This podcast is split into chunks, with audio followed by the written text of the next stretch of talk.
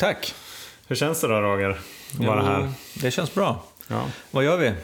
ja, alltså du har ju tydligen kokat ihop här att vi, att vi ska prata om, om ärlighet Ja, i det här avsnittet. Be- Berätta, hur tänkte du? Alkispodden goes honest. Ja, Ja. jag Det, vet det, väl, inte det var väl riktigt. skönt att vi kunde liksom bli ärliga i nå, någonstans här 23 avsnittet eller någonting. Nej, men ehm, jag tänker så här. Ärlighet är ju ett begrepp som, ehm, som jag skulle vilja bara gräva i lite grann. Eh, och en anledning är att ehm, det finns, alltså vi, går till, vi, vi kan börja lite grann i tolvstegsprogrammet.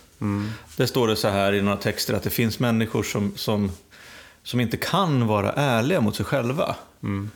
Att, eh, och det, att det är en anledning till att de inte lyckas eh, hålla sig nyktra.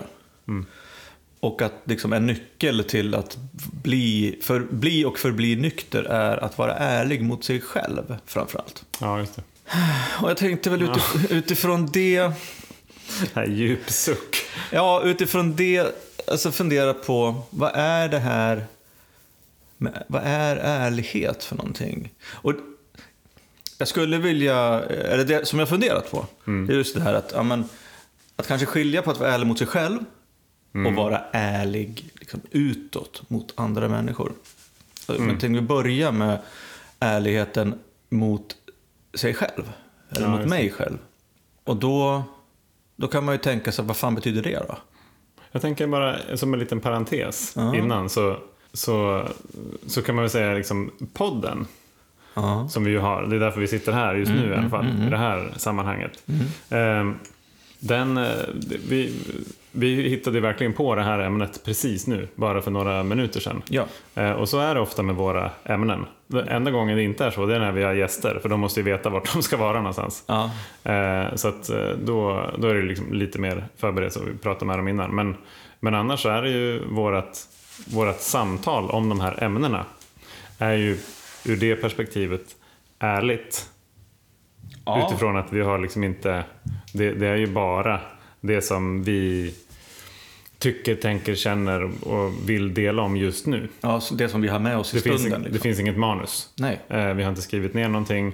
Det, det är på den ena sidan. Och på den andra sidan är det att vi klipper inte någonting heller. Mm. Nej. Utan det ni hör, det är hela samtalet. Det vill säga, vi förställer aldrig någonting i de här samtalen. Nej. Eh, Så att på det sättet är det också ärligt då. Ehm, Mer eller mindre. Men eh, så jag vill bara liksom, det är en ganska intressant ingång eh, till podden och till dagens ämne då. Ja. Och då sa du att så här, okej, börja med ärlighet gentemot sig själv. Ja. Ja. Hur tycker och, du och då? då, ja, men då, då, vi, kan lika, vi kan fortsätta på att prata podden lite grann. Och, och jag tänker så här när vi... Alltså den här podden är ju inte känd för, om den nu är känd för någonting. Den är inte känd för att vara eftertänksam. och, och trög. Eh, och, eh, Ja, jag tänker så ja. Ehm, alltså vi, om vi börjar där, alltså vi, jag slängde upp frågan i luften, ska vi inte göra en podd? Så träffades vi i, i början av maj. Satt på, i Tantolunden på, på en filt och bara spånade. Och sen senare den veckan spelade vi in avsnitt ett och två. Som s- nu ligger uppe också på, på Soundcloud och Spotify och Podcaster och mm. Acast och allt. Ehm, och, då tänker jag så här att det vi gjorde då, det var ju egentligen att vi på ett ganska intuitivt och eh, spontant sätt, ärligt skulle man kunna säga, bestämde oss för också vad vi ville göra. Och då tänker jag att vi var liksom ärliga mot oss själva, vi var sanna mot oss själva och vi, vi hade en ganska klar och tydlig idé. Även om den inte var kanske så... Alltså det var inga långa processer direkt att komma fram till vad vi vill göra. Så att det känns också så att, så att det kommer liksom ifrån från ett, eh, ett ställe inom oss som är alltså, sant och ärligt från början. Mm. Just det. Eh, Och då kan man säga, alltså, då tänker jag så här, var kommer det ifrån då? Och då tänker jag så här att eh, eh, när jag drack Mm.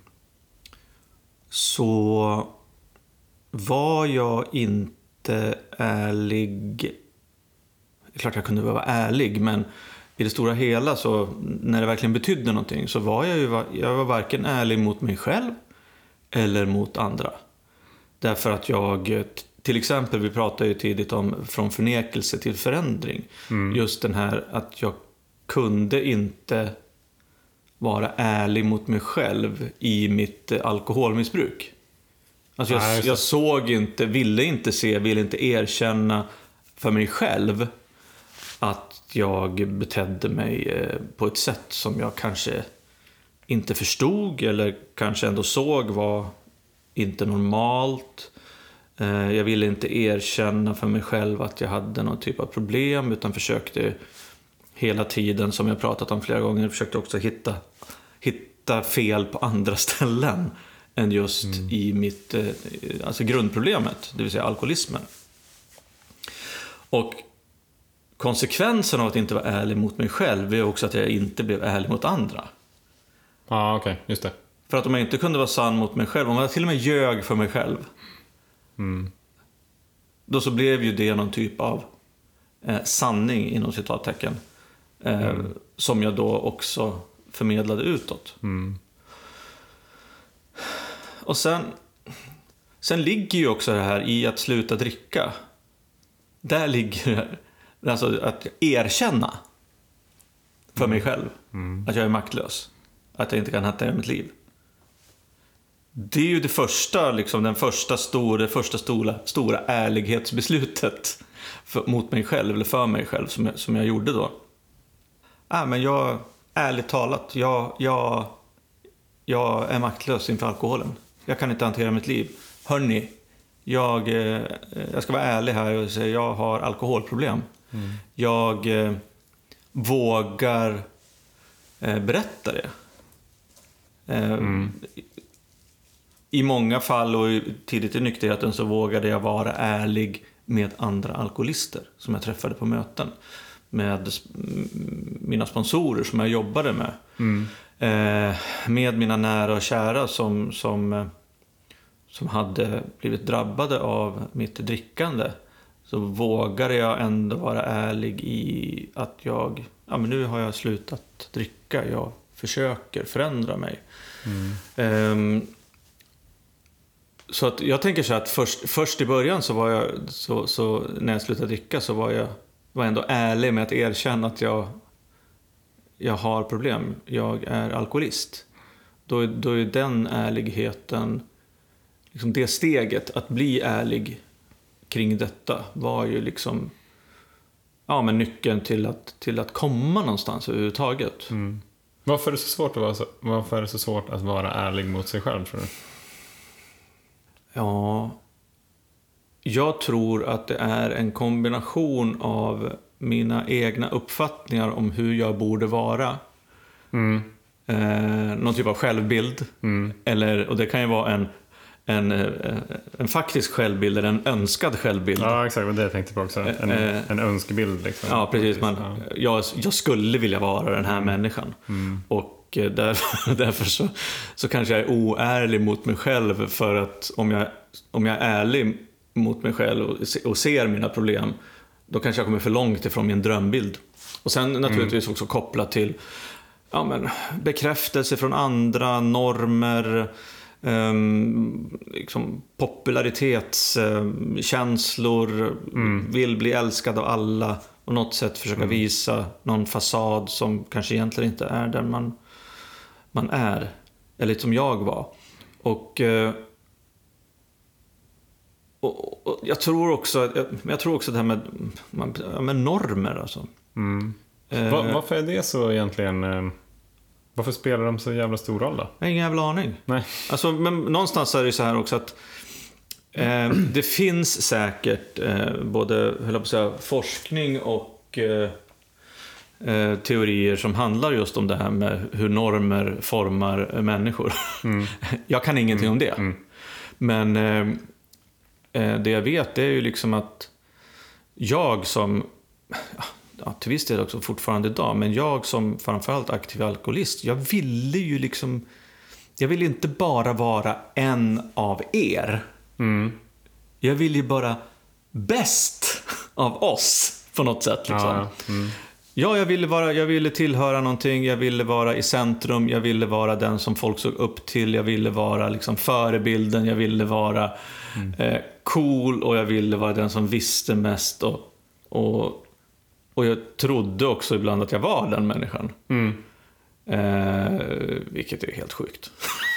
Men, och, och, och enligt normerna då? Mm. På något vis. Alltså jag, jag, jag tänker då, om man tänker sig normer så är det någon form av gemensamma, gemensamma spelregler kanske? Ja. För en viss grupp som Ja, jag precis. väljer att tillhöra. Exakt, och det var det, det jag tänkte fortsätta på. Just att, att de här normerna ser ju då naturligtvis olika ut för olika sammanhang. Ja. Killgäng, eh, tjejkompisar, arbetsplatser, idrottsklubbar, eh, alltså kulturgrejer, eh, brottsliga gäng, liksom allting. Liksom, kriminell, Kriminalitet. Så att det finns det ju liksom normer som, som jag någonstans mäts mot. Eh, och i mitt fall kanske framförallt så tror jag att jag mäts, att jag jämförs med de här normerna. Eh, och tyckte att det var jävligt viktigt att, att, eh, att på något sätt kunna vara någonting som människor tyckte att jag skulle vara. Vad kunde det vara till exempel? Då? Nej, men... Eh, Vad, vad, vad, Nej, men jag, jag tänker så här, liksom, för att det finns liksom både bra och dåliga exempel, men, men i min yrkesroll, till exempel, så, så vill jag ju vara en sorts människa eller person eller som, som var den som var mest kreativ, smartast och, och eh, som folk såg upp till därför att jag gör så bra saker och jag gör dem på ett sätt som är liksom eh, effortless och liksom, alltså, någon typ av coolhet. ja. Jag tror att eh, det är väl kanske inte helt, helt ovanligt att, att människor vill vara liksom, coola, för att vara sl- slarvigt, slarvigt uttryckt på det sättet. Sen så tänker jag också att det fanns, det fanns andra normer som jag ändå eh, försökte leva upp till. Till exempel inom ja, men familjeliv. Ja. Som eh, pappa och make och där kan man säga, där kan, lyckas jag väl sämre. Ehm, då när jag var aktiv och eh, sen så finns det ju andra som sociala sammanhang, kompisgäng där man har någon speciell roll. Jag spelade ju band när jag var, eh, när jag var ung, som tonåring, så här, tidiga 20-årsåldern. Och då, jag vet att Alltså där fanns det ju andra normer eller liksom sociala regler för hur vi betedde oss mot varandra. Ehm, och sen så, så finns det ju såna här grejer överallt och, och, och jag tänker att att, eh, nu kommer jag inte ens ihåg varför vi håller på att prata om normer. Jo, vi pratar om att man ska vara ärlig mot sig själv och eh, just att, att om vem man, vem man är och varför det är så svårt. Och jag tänker att för mig var det så här att, att jag...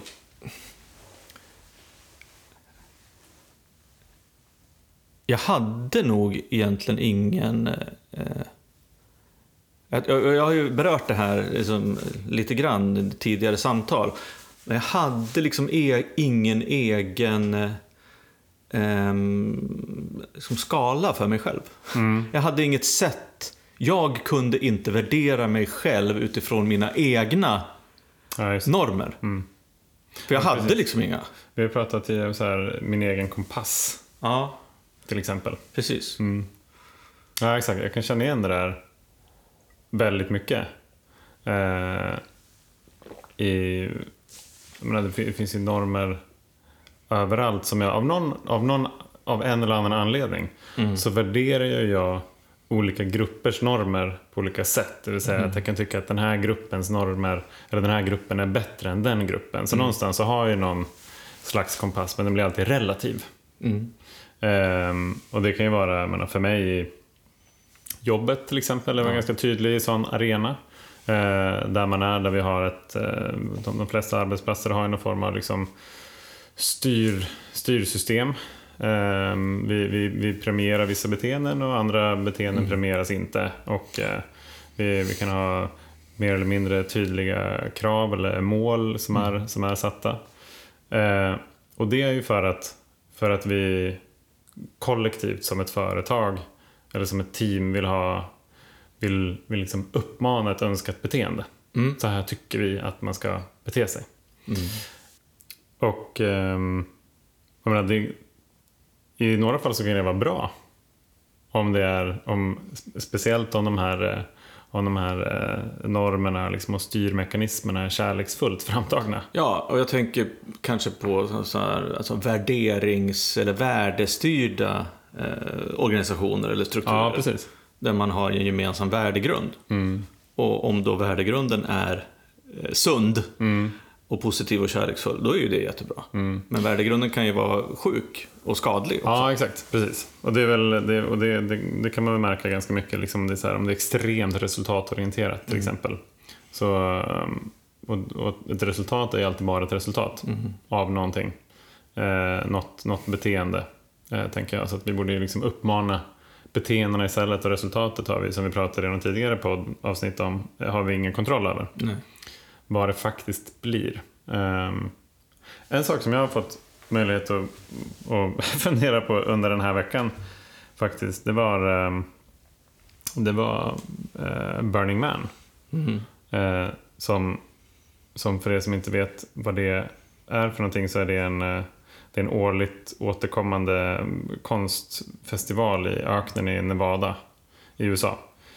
Som, som är en participatorisk festival. Det vill säga att man, man är där som, inte som, ehm, inte, all, alla, är, eh, alla bidrar till det. Alla är medskapare av festivalen. Så på det sättet så är man inte en vanlig deltagare. Som, som köper en biljett till en konsert till exempel. Eh, så att jag, jag konsumerar inte själva, eh, själva eventet utan jag är med och skapar det. Mm. Och, ehm, och där i, i, i Burning Man-communityt då, eller för liksom Burning Man finns både där och finns på andra ställen över hela världen, så har man definierat ett, ett eh, man har definierat tio principer som man, som man då tycker att ja, men det, det är så här liksom, det är det här som genomsyrar vår kultur. Här, till exempel att ehm, Ja, en av dem är så här, leave no trace. Det vill säga, på, på platsen där vi har varit så ska det inte finnas något spår av oss kvar. Mm. Så att allt det du tar med dig in ska du också ta med dig ut. Mm. Vilket inkluderar vatten, som, eh, allt egentligen utom det. Det finns bajamajor liksom, så det behöver du inte bry dig om. Men liksom allt annat, så här, diskvatten till exempel, det behöver du ta med dig tillbaka. Mm. Alla plast och liksom allt sånt där såklart. Och, eh, och sen så är det en gåvoekonomi. Eh, Det vill säga du kan inte köpa någonting och du kan inte byta till dig någonting utan du uppmanas att ge villkorslöst. Mm. Eh, och sen så uppmanas du också att enligt de här principerna då att eh, radical self-reliance, som är du, är yt- du är helt ansvarig för dig själv. Allt det du behöver behöver du ta med för den här veckan, inklusive mat och vatten och ljus och varma kläder. Bla bla, sådär. Och ehm, så man, man, man kan väl säga att det där är ett stort socialt experiment Mm. ute i en öken. Mm. Eh, vad händer med dig när du inte när, när pengar inte har något värde, när det du jobbar med inte spelar någon roll, eh, när, när du är där eh, eh, in, inte för att ta eller få utan för att ge. Mm.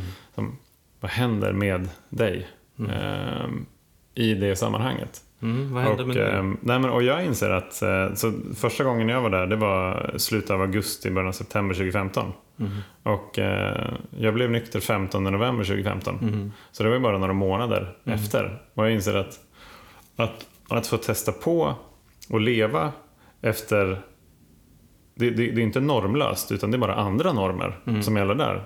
Men så här, vi, vi väljer att under de här, den här veckan, de här tio dagarna, att lämna därhän samhällets vanliga normer och så lever vi efter de här istället. Eh, och det som, det som landade i mig efter den där eh, efter den veckan där ute, det var att jaha, jag kan välja vilka normer jag vill leva efter. Mm. Liksom, jaha, shit, jag har ett, jag har ett val att göra. Jag har en, jag har en frihet att välja. Alltså här, om jag inte mår bra av att leva enligt de normerna som jag just nu eh, känner att jag lever efter och kanske är styrd av. Mm. Eh, då kan jag faktiskt välja att följa och bli styrd av eller liksom guidas av andra.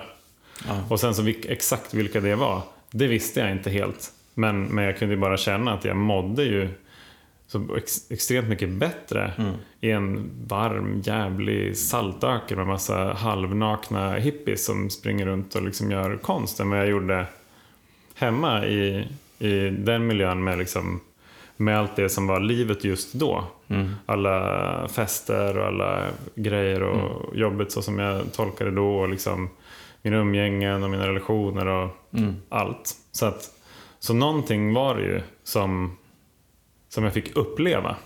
Mm. Var annorlunda att leva efter de normerna än efter de som jag hade just då. Mm. Känner du att eh, den upplevelsen eh, hade någon effekt liksom, på din den här, både kunskap och vetskap om att vara ärlig med dig själv, men också faktiskt vilja att vara mer sann mot, alltså hitta någonting eget. Alltså hitta den här val, de här valen. Ja, det var, no, det var någon process i alla Ja. fall som, som startade. Ja. Ehm, och um, kommer jag hade, hade många fina samtal, men ett som jag kommer ihåg speciellt, det var med Navid Modiri som var med då. Var, jag tror det var hans andra gång och min första liksom där ute. Vi såg och kollade ut över den här playan där på, på Burning Man sent på, på natten och Mm. bara såg hela det här ljusspektaklet. Och då sa han, Johan du får ju komma ihåg här att allt är påhittat. Allt är påhittat. Så att om du inte trivs med det du har så kan du hitta på någonting annat.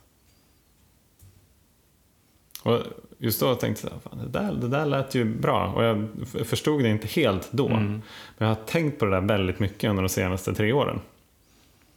Eh, och det har gett mig väldigt mycket kraft. Mm. Eh, och så kunde vi också när vi stod där och kollade ut över galenskaperna tänka att det är väldigt hoppfullt att folk väljer det här, att skapa, eh, skapa den här staden med 80 000 människor ute i den här öknen. Ingen tjänar några pengar på det. Vi gör det bara för att vi vill. Mm. Vi vill skapa någonting som är, eh, som är kärleksfullt och inkluderande. Eh, och vi gör det på den, på den mest ovälkomnande platsen vi kan hitta eh, på det här jordklotet i princip. Men här mår många av oss som bäst. Ja. Jag tänker att det där är eh, jävligt bra tänkt. Men jag tänker också att om vi ska vara ärliga Mm. Eh, mot oss själva och er som lyssnar så är det så också. Jag tänker att ja, det låter ju jättebra Johan Mm. och Navid. Men fan alltså. Har alla möjlighet att göra de här valen? Om vi ska vara ärliga. Alltså jag tänker att vi, du och jag framförallt, vi som sitter och pratar här, vi har ju vi har ju lyxen att liksom faktiskt ha ganska stor möjlighet att påverka våra, våra Absolut. egna liv. Framförallt. Och vi kan kanske till, tillåtas att hitta på nya saker. För att vi har möjlighet och, och, och förutsättningar att göra det. Så att ehm, det här har ju också någonting med ärligheten att göra. Liksom att, ja, vi hittar ett sammanhang, eller vi hittar, vi hittar liksom, kanske vår egen kompass, vi hittar sammanhang som vi känner att vi faktiskt vill vara i, som vi mår bra av. Vi kan vara ärliga mot oss själva. Eh, och kan ju kanske då också, även om vi kanske är på ett bättre ställe, bli lite, få lite tunnelseende och tänka att men så här är det. Man, man har möjlighet att välja sin egen, hitta på sin egen värld eller sitt eget liv. Ja, Eh, det är inte alla som har det. Eh, men som sagt, återigen för att knyta an till ärligheten. Vi, det vi pratar om här det är ju våra egna erfarenheter och våra egna synpunkter och känslor och tankar. Och, eh, så att jag tycker att det är, är, jag tycker det är jävligt spännande det här med att men komma till insikt. För det tycker jag att ärligheten mot mig själv handlar om väldigt mycket idag.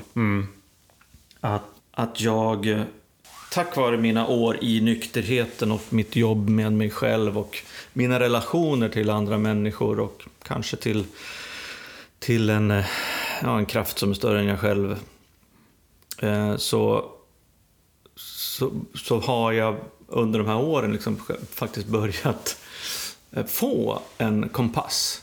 Som där, där mina egna värderingar på något sätt är viktigare än eh, omgivningens värderingar. För att jag var ju väldigt, Mm. jag var ju mycket, det var ju bekräftelse, bekräftelse, bekräftelse, bekräftelse exakt. bara.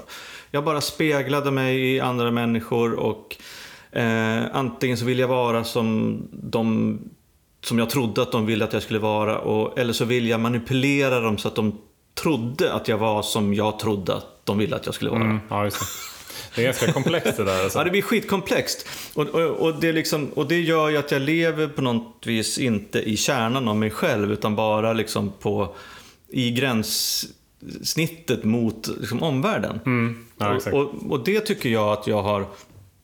För mig handlar ärligheten mot mig själv väldigt mycket om det. Ett, att faktiskt få någon typ av moraliskt och eh, eh, någon moralisk kompass, en värd- grundvärderingar och faktiskt en, en åsikt, tanke om hur jag tycker att, att jag vill vara i det här livet. Mot mig själv och mot mina med, medmänniskor. Och eh, det får ju till följd också att, att jag faktiskt, ju mer jag tänker på det, så, så har jag också möjlighet att träna på att, vi återkommer till det med att träna, att göra, att handla. Träna på att vara ärlig mot mig själv. Mm, För att om jag, om jag märker då kanske att jag in, inte är i balans med mina egna värderingar eller med min egen moral. Då, då, idag så har jag faktiskt förmåga att se det, insikt att jag inte... Jag, jag, får, jag, jag kan få insikt att jag, att jag är i obalans och jag kan välja att göra någonting åt det.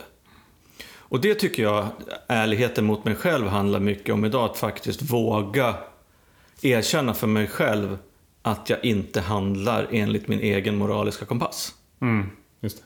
Vad kan det vara till exempel då? Ja, men det kan, det kan vara allt ifrån faktiskt att, att vi har pratat om det här med rutiner till exempel. Mm, Allt ifrån att jag har upptäckt och tycker att jag har bestämt mig för Dels för att jag har lyssnat på annat, andra, men också för att jag märkt att jag mår bra av det. Att jag, jag vill ha vissa rutiner i mitt liv. mm. Ehm, Till exempel? Ja, men till exempel så kan det handla om att eh, starta upp dagarna på, på ett sätt som har mer med att försöka hitta, hitta någon typ av... Eh, eh, hitta en andlig Roger Mm, än att, eh, att kolla på Facebook, Instagram, Omni och nattens baseballresultat. Liksom det första jag gör. mm. Liksom bara sådana enkla grejer. Ja, Att absolut. kanske läsa någon text, att meditera i, i fem minuter, att försöka liksom bestämma mig för att jag vill vara den här människan idag. Mm. Eh, och jag vet att när jag gör det så, så blir jag mindre skärm... skärm eh, mitt skärmbehov minskar. Min, min, min, mina, min öppenhet liksom mot andra människor framför de som är nära mig liksom blir, den ökar och jag blir större. Och jag, jag, liksom får, jag känner mer att jag, jag är utåtriktad istället för att jag blir liksom innesluten i mig själv. Och, eh, och sen så räcker det liksom ganska långt un- under en dag. Och det har vi pratat om att vara nykter en dag i taget. Och det här handlar också om att vara liksom vara en bra människa en dag i taget. Så här. Och, och de här rutinerna hjälper mig att göra det. Men ändå så, så har jag svårt eh, jag har svårt att få rutinen att bli rutin. alltså, jag kan göra det så här i en vecka, en månad, tre månader och sen plötsligt bara en dag så sitter jag där med telefonen i handen. Alltså en sån enkel grej. Eh, och då, då så kan det gå ett tag men, men att jag ändå liksom är, gör, liksom, att jag rannsakar mig själv. Jag ser, nu är jag, inne i ett sånt, en sån period just nu. Att jag har slutat göra med rutinerna. Men varje morgon när jag vaknar upp så tänker jag på att Roger, du borde inte göra det här. Du borde, du borde göra det andra. Du borde inte ta fram telefonen nu, du borde göra det andra. Och, eh, och då är jag, jag är åtminstone ärlig mot mig själv, att jag vet att jag gör fel saker. Men eh, sen att gå till handling därifrån, eh, det är svårt för mig. Och då kommer ju nästa, nästa liksom aspekt av ärlighet. Det är till exempel att sitta här och berätta för er att jag misslyckas med att göra de saker som jag har sagt att jag ska göra för mig själv. Det vill säga att jag är ärlig.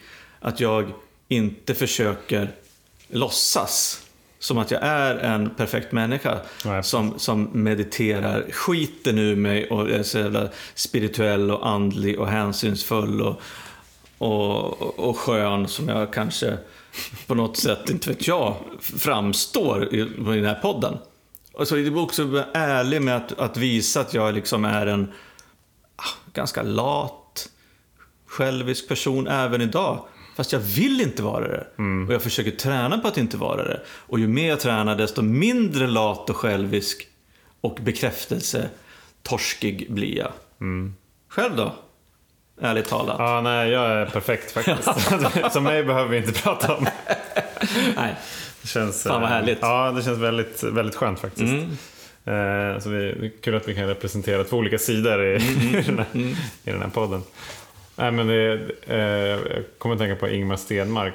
Han sa ju någonting i stil med så här, men ju mer jag tränar desto mer tur har jag. Mm. Liksom, när jag vinner, eh, vinner tävlingar och så vidare. Och, eh, men det är klart att eh, träning, träning ger ju färdighet och liksom det, är- det finns ju ingenting annat. Det är liksom inte någon sån Fick ett andligt uppvaknande, en blixt från klar himmel och sen så bara bara så här, ja perfekt, då, då liksom mediterar jag varje morgon och jag gör exakt det jag ska göra. Nej, så är det inte. Det är ju liksom en... I, I vissa perioder går det lättare, för jag kommer in i någon form av, jag vet inte, någon form av... Eh, någon form av liksom flow Mm. någonstans. Men så vet jag inte vad som händer och så får jag världens motstånd. Mm. Jag känner, nej, helt plötsligt har jag inte tid. Att, att gå upp sju minuter tidigare. Även fast jag kan ha tid att, att snosa 45 minuter. Ja. Liksom, jag vet inte riktigt hur det, hur det går till. Eh, det där med tid är jävla eh, komplicerat faktiskt. Men jag tror att ja, ärlighet, det är, det, det är liksom bland det svåraste vi kan göra. Men, men liksom, ur något perspektiv också det enklaste. Här, Ja. om, jag, om jag försöker vara ärlig hela tiden, ja, men då har jag ju ingenting att dölja. Mm.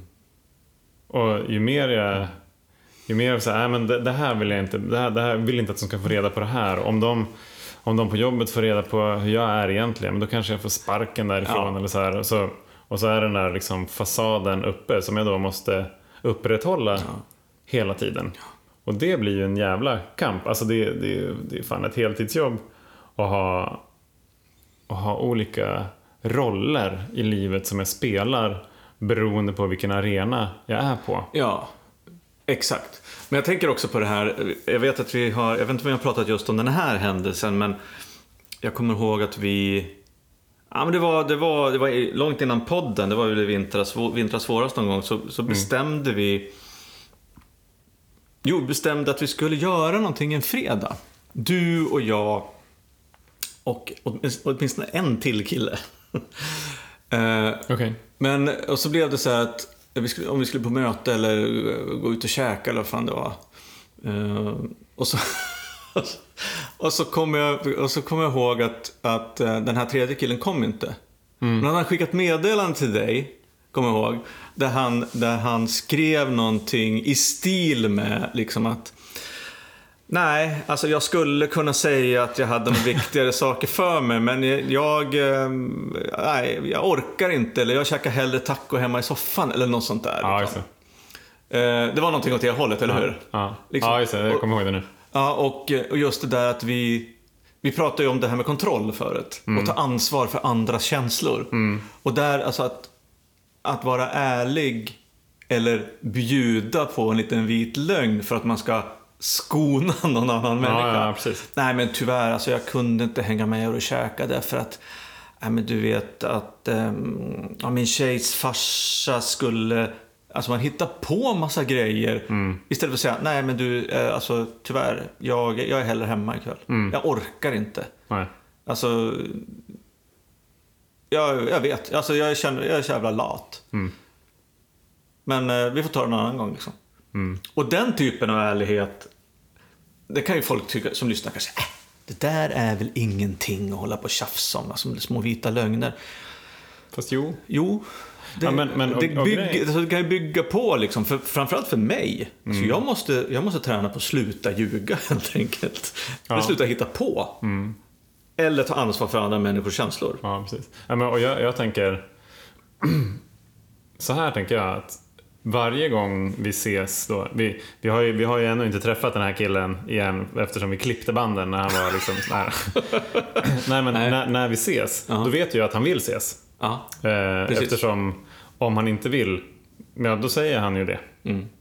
Så att det är liksom, det är, när, när vi är ärliga så ger vi också andra möjlighet att lita på oss. ja, det är bra. Eh, så att det, det är liksom inte bara mm, så här, eh, ska vara liksom god och sann och ärlig eh, för att liksom jag är en, en Kristuslik person. Nej men det är inte det. Alltså så här, det är på något vis ärligheten är att jag är ärlig i min kommunikation. Att jag, det jag säger det jag menar och jag menar det jag säger. Mm.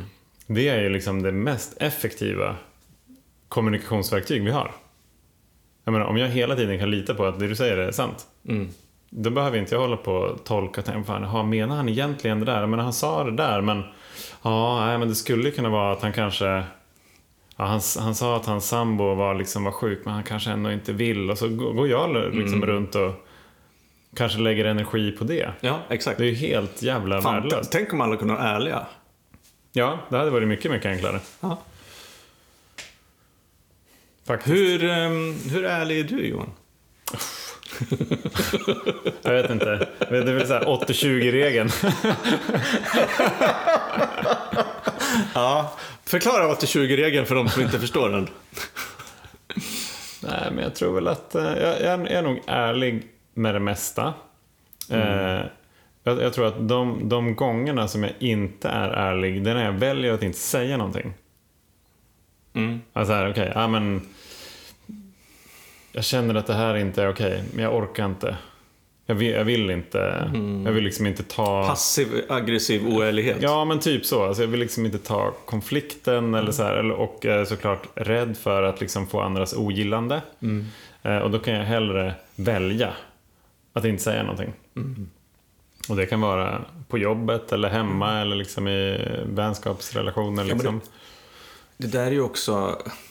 Alltså ja, det kan handla om ärlighet, men är, är det faktiskt så att din åsikt alltid är så jävla viktig? Nej, nej, nej. Alltså, så, så är det ju absolut. Jag, menar, jag vill inte bli någon form av liksom, socialt inkontinent, superärlig person. Och Nej. liksom så här, alla ska hela tiden veta vad fan jag tycker. Nej, precis. Men ibland så är det ju ändå så att så här, det hade nog varit bättre om jag hade sagt någonting. Ja, okej. För att annars så går jag liksom vidare i, i den här relationen och vi, menar vi så. Mm.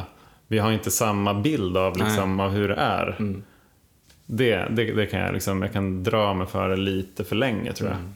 Faktiskt. Jag, jag tycker ändå att, det- nu, det här har jag inte tänkt på tidigare, men just den där alltså, relationen mellan ärlighet och eh, den här viljan eller eh, förmågan att, eller behovet att ta så jävla mycket plats hela tiden. Ja, precis. Det är ju ganska, det är en ganska intressant liksom, skärningspunkt där.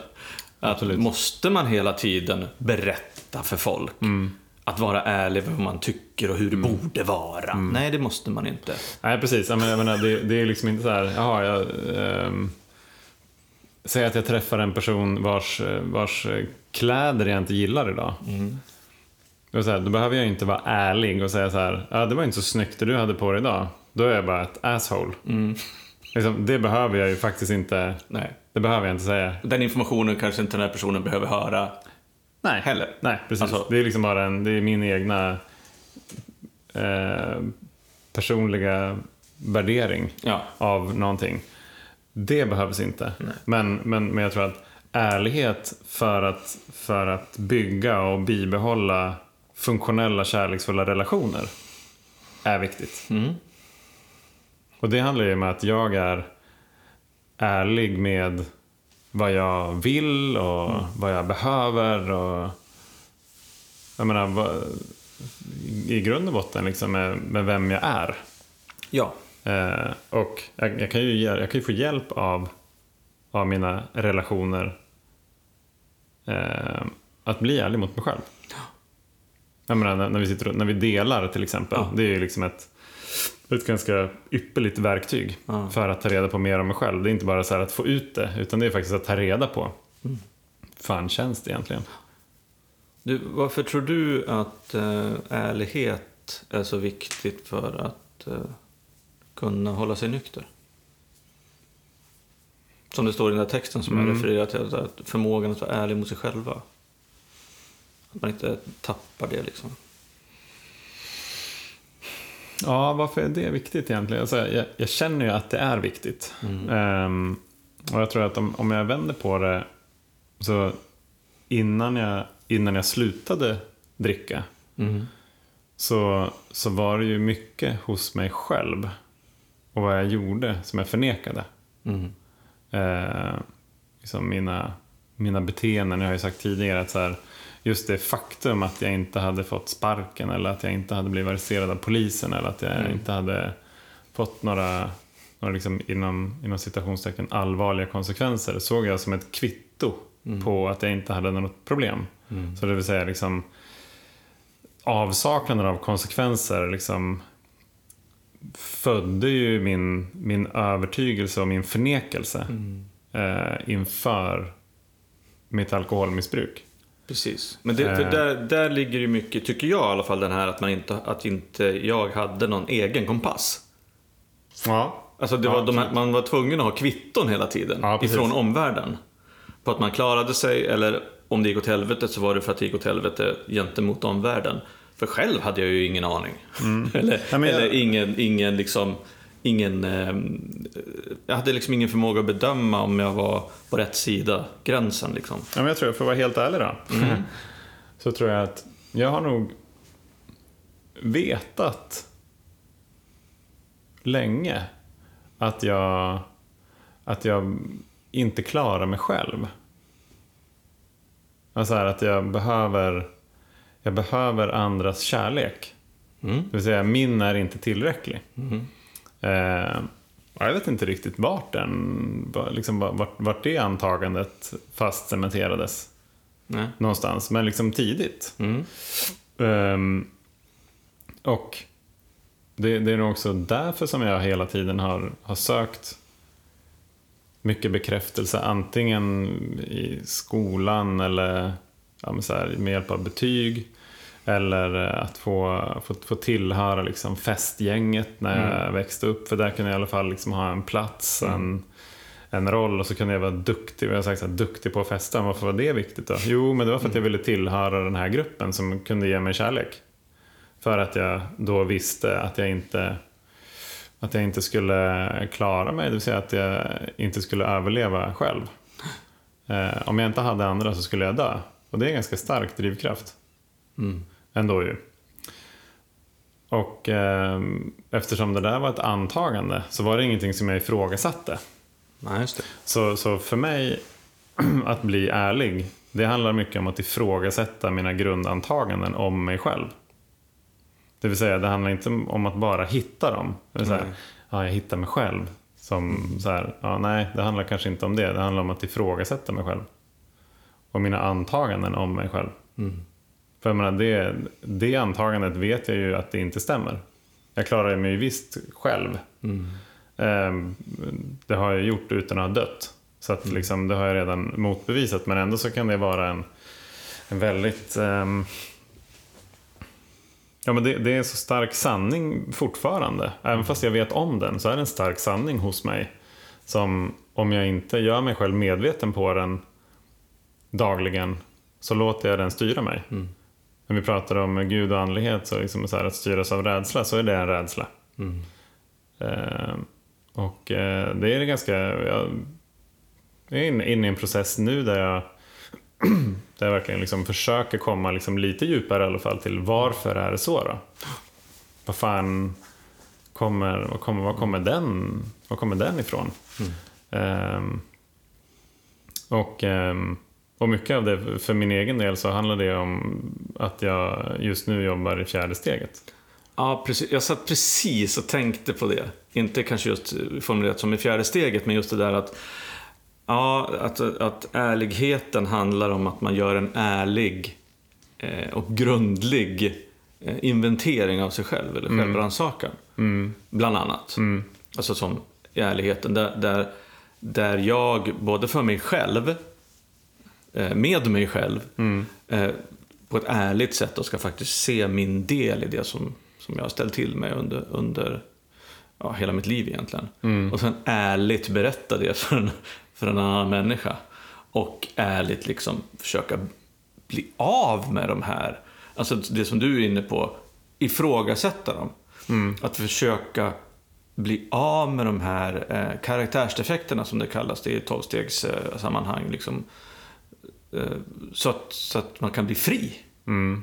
Och då handlar det om rädslor eller ilska eller eh, egoism och bitterhet och, och massor med såna här dåliga, jobbiga energier som, som gör att, att eh, ja, som stänger vägen liksom för någon typ av, för någon typ av eh, fin, fin människa med ett fint liv. Liksom. Jag tycker, att det var, jag tycker att det är bra sagt det där med alltså just, just ärligheten. Och det var väl lite grann det som jag kanske försökte formulera också, men på ett annat sätt. Just det där att, att faktiskt eh, se på mig själv utifrån mig själv. Mm. Alltså inte utifrån hur andra ser på mig. Nej.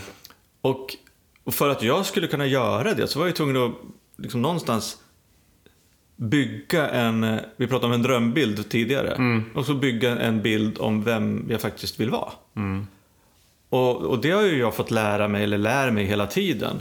Därför att den, den, människa, som- den människa som jag var, den personligheten jag hade, de känslorna som jag hade när jag drack tidigare. Alltså det var, det var, det var väldigt mycket styrt av, av rädslor och, men också egoism och lathet och eh, bekräftelsebehov och sådana saker. Mm. Och nu försöker jag vara mer, vara mer kärleksfull. Men det är svårt där med, alltså det är svårt att prata om ärlighet. Mm. Ja. Det är svårt att prata om det för att det är ett begrepp som, som, som ja men det är sånt hushållsbegrepp liksom, ärlig. Ärlighet vara längst, ärligt talat. Liksom, vad är det för någonting och, och varför är det viktigt och varf- varför, varför kan det faktiskt rädda livet på människor att vara ärlig? Mm. Det låter ju helt sjukt. Alltså på ett Ja, sätt. ja, absolut. Ja, men alltså, om du är ärlig, då kan du, då kan du lyckas med det här tolvstegsprogrammet. Mm. Om du inte är ärlig, troligen inte.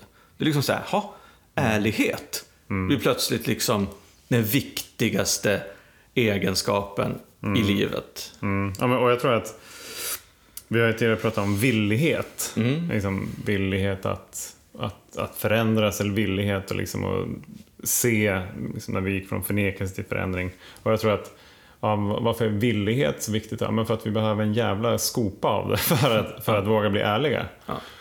För jag menar, det handlar ju mycket om, tycker jag, att jag vet inte vad jag kommer hitta liksom, när jag gör de här, den här fjärdestegsövningen, när jag gör liksom en, en grundlig självrannsakan Ja. av mig själv. Eh, och jag menar, det, det, det kanske framförallt är så att de viktigaste sakerna som jag hittar, det är de som jag inte vill hitta. Eh, Ja. För att det... ehm, Exakt. Men, det, men där är ju också ärligheten jävligt viktig, så att du faktiskt tillåter dig själv att hitta de här grejerna. ja, precis. För att Exakt. där är det jättelätt att ljuga för sig själv. Ja, Nej, men det där kommer inte jag ihåg. Eller det där var nog inte så viktigt. Mm, Eller, mm. ja precis. Ehm, så fjärde steget är vi gjorde en grundlig och Orädd. orädd moralisk självrannsakan. Eller inventering av oss själva. Ja, precis. Något sånt. Mm. Det vill säga, vi går, man går igenom allt skit som man har ställt till med. Ja, och får ner det på papper. Och berättar om det för någon annan. Mm. Det är väldigt renande. Är det. Så det är ganska, Jag ska vara helt ärlig och säga, det är ganska jobbigt tycker jag. Eh, Varför då? Ja, precis. För att det inte bara är... Nej. Ja, nej, men alltså, jag är ju fortfarande väldigt naiv. Eh, och, och jag, jag, jag, Ja, ärligt. ja, men, nej, men, och jag, jag tänkte någonstans innan jag började med det där, ah, vad fan, alltså jag har liksom jobbat, liksom, inte varje dag, men varje vecka i alla fall i, i terapi och sådär. Mm. Och så jag har gått igenom stora delar av mig själv. Jag kommer säkert inte hitta så mycket nytt. Nej. Nej, tänk, tänkte jag. Men så, så fick jag då uppgiften att ja, men gå, igenom, eh, gå igenom olika tidsperioder av livet. Mm. Så till exempel, hur var det under lågstadiet eller mellanstadiet, högstadiet, gymnasiet, eh, när du bodde i London. Så här, ja, Mm. och liksom, ja, hur det nu är för, så har det varit för mig. Och så kanske, kanske det är så här 10-15 olika tidsperioder som är lite, där, lite karaktäristiska. Mm. Och eh, alla de har jag inte varit igenom i terapin. Det, är Nej. inte, liksom, det har inte vi fokuserat på liksom, jättemycket av det som har hänt tidigare utan vi har jobbat med liksom, grundantaganden här och nu och, liksom, och hur, ja, hur, kan jag, hur kan jag tänka på ett annat sätt runt det? Vad är det som, vad är det som jag är arg på just nu? Vad, Mm. Varför känner jag just nu att jag vill vara perfektionist? Och så vidare. vidare. Eh, men det är liksom ett jävla skrivande. Ja. Ehm, eh, tycker jag. Men det är också det är väldigt nyttigt. Och liksom en, av de, en av de sakerna som jag har hittat är liksom, ja, men så här, prestation till exempel. Prestera för att få, för att få bekräftelse. Och det, det tror jag liksom många kan, kan känna igen sig i. Men, men det där, det, det, det kan ju lätt det kan ju lätt ha lite överdådiga proportioner. Så här, jag kommer ju aldrig bli nöjd. Jag kommer aldrig älska mig själv för mina prestationer. Det vill säga, jag, och på det sättet så är jag beroende av prestationer för bekräftelse. Mm. Det vill säga, liksom, även fast jag sitter i ledningsgruppen på Cordial, även fast jag är väldigt framgångsrik eh, liksom, som managementrådgivare, även fast vi gör den här podden och liksom skriver texter och liksom håller på, gift med här och har liksom det här. Så det är, det är ändå inte nog för att jag ska genom de prestationerna älska mig själv. Nej. Det är lite så här på um, som um, en för mycket och tusen aldrig nog. Mm. Så, som liksom brukar säga i tolvstegsgemenskaper kring, kring alkohol och droger. Mm. Ehm, jag kan liksom inte få nog. Så min, min kärlekstörst, min bekräftelsetörst släcks inte av prestationer. Nej. Så jag behöver verkligen jobba på att, på att eh, se prestationer ur ett annat perspektiv. Och det är svårt. Eftersom jag under så många år har använt prestationer, alltifrån när vi liksom där man började få omdömen i skolan antar jag. Eller liksom i sport. Alltså det var ju så här från sju års ålder. Jag menar, säg att det är lite styvt 30 år då. Så har jag använt prestationer och det är klart att det har ju skapat i mig ett, eh, ett, ett ja, liksom, det har ju skapat eh, banor i hjärnan, ett program som jag, liksom, som jag går på. Ja. Och det är inte bara över en natt och omprogrammera det Nej. såklart. Men det börjar ju med att jag blir medveten om det Ja. genom att vara ärlig och se på det för vad det är. Eh, Och se hur jag själv mår av det. Ja. Eh, Ja, det där är Ja. jätte, jättespännande och jag känner igen egentligen allting. Därför att jag tänker så här nästan att, att eh, på grund av att jag också har liksom levt väldigt mycket på att bli bedömd, att både bedöma mig själv men att bli bedömd på grund av eller, det jag gör Mm, så har jag liksom... Så har jag... ja, men jag har varit slarvig med att eh, faktiskt odla någonting eller titta på vad jag faktiskt är. Ja, Alltså det finns... ja, det finns liksom ingenstans... Eller det fanns, ska jag säga. Det fanns liksom ingenting där inne. Utan det var bara liksom eh, prestationer och liksom bedömning utifrån som gjorde att det var jävligt tomt. Liksom. Jag kände mig jävligt tom inuti.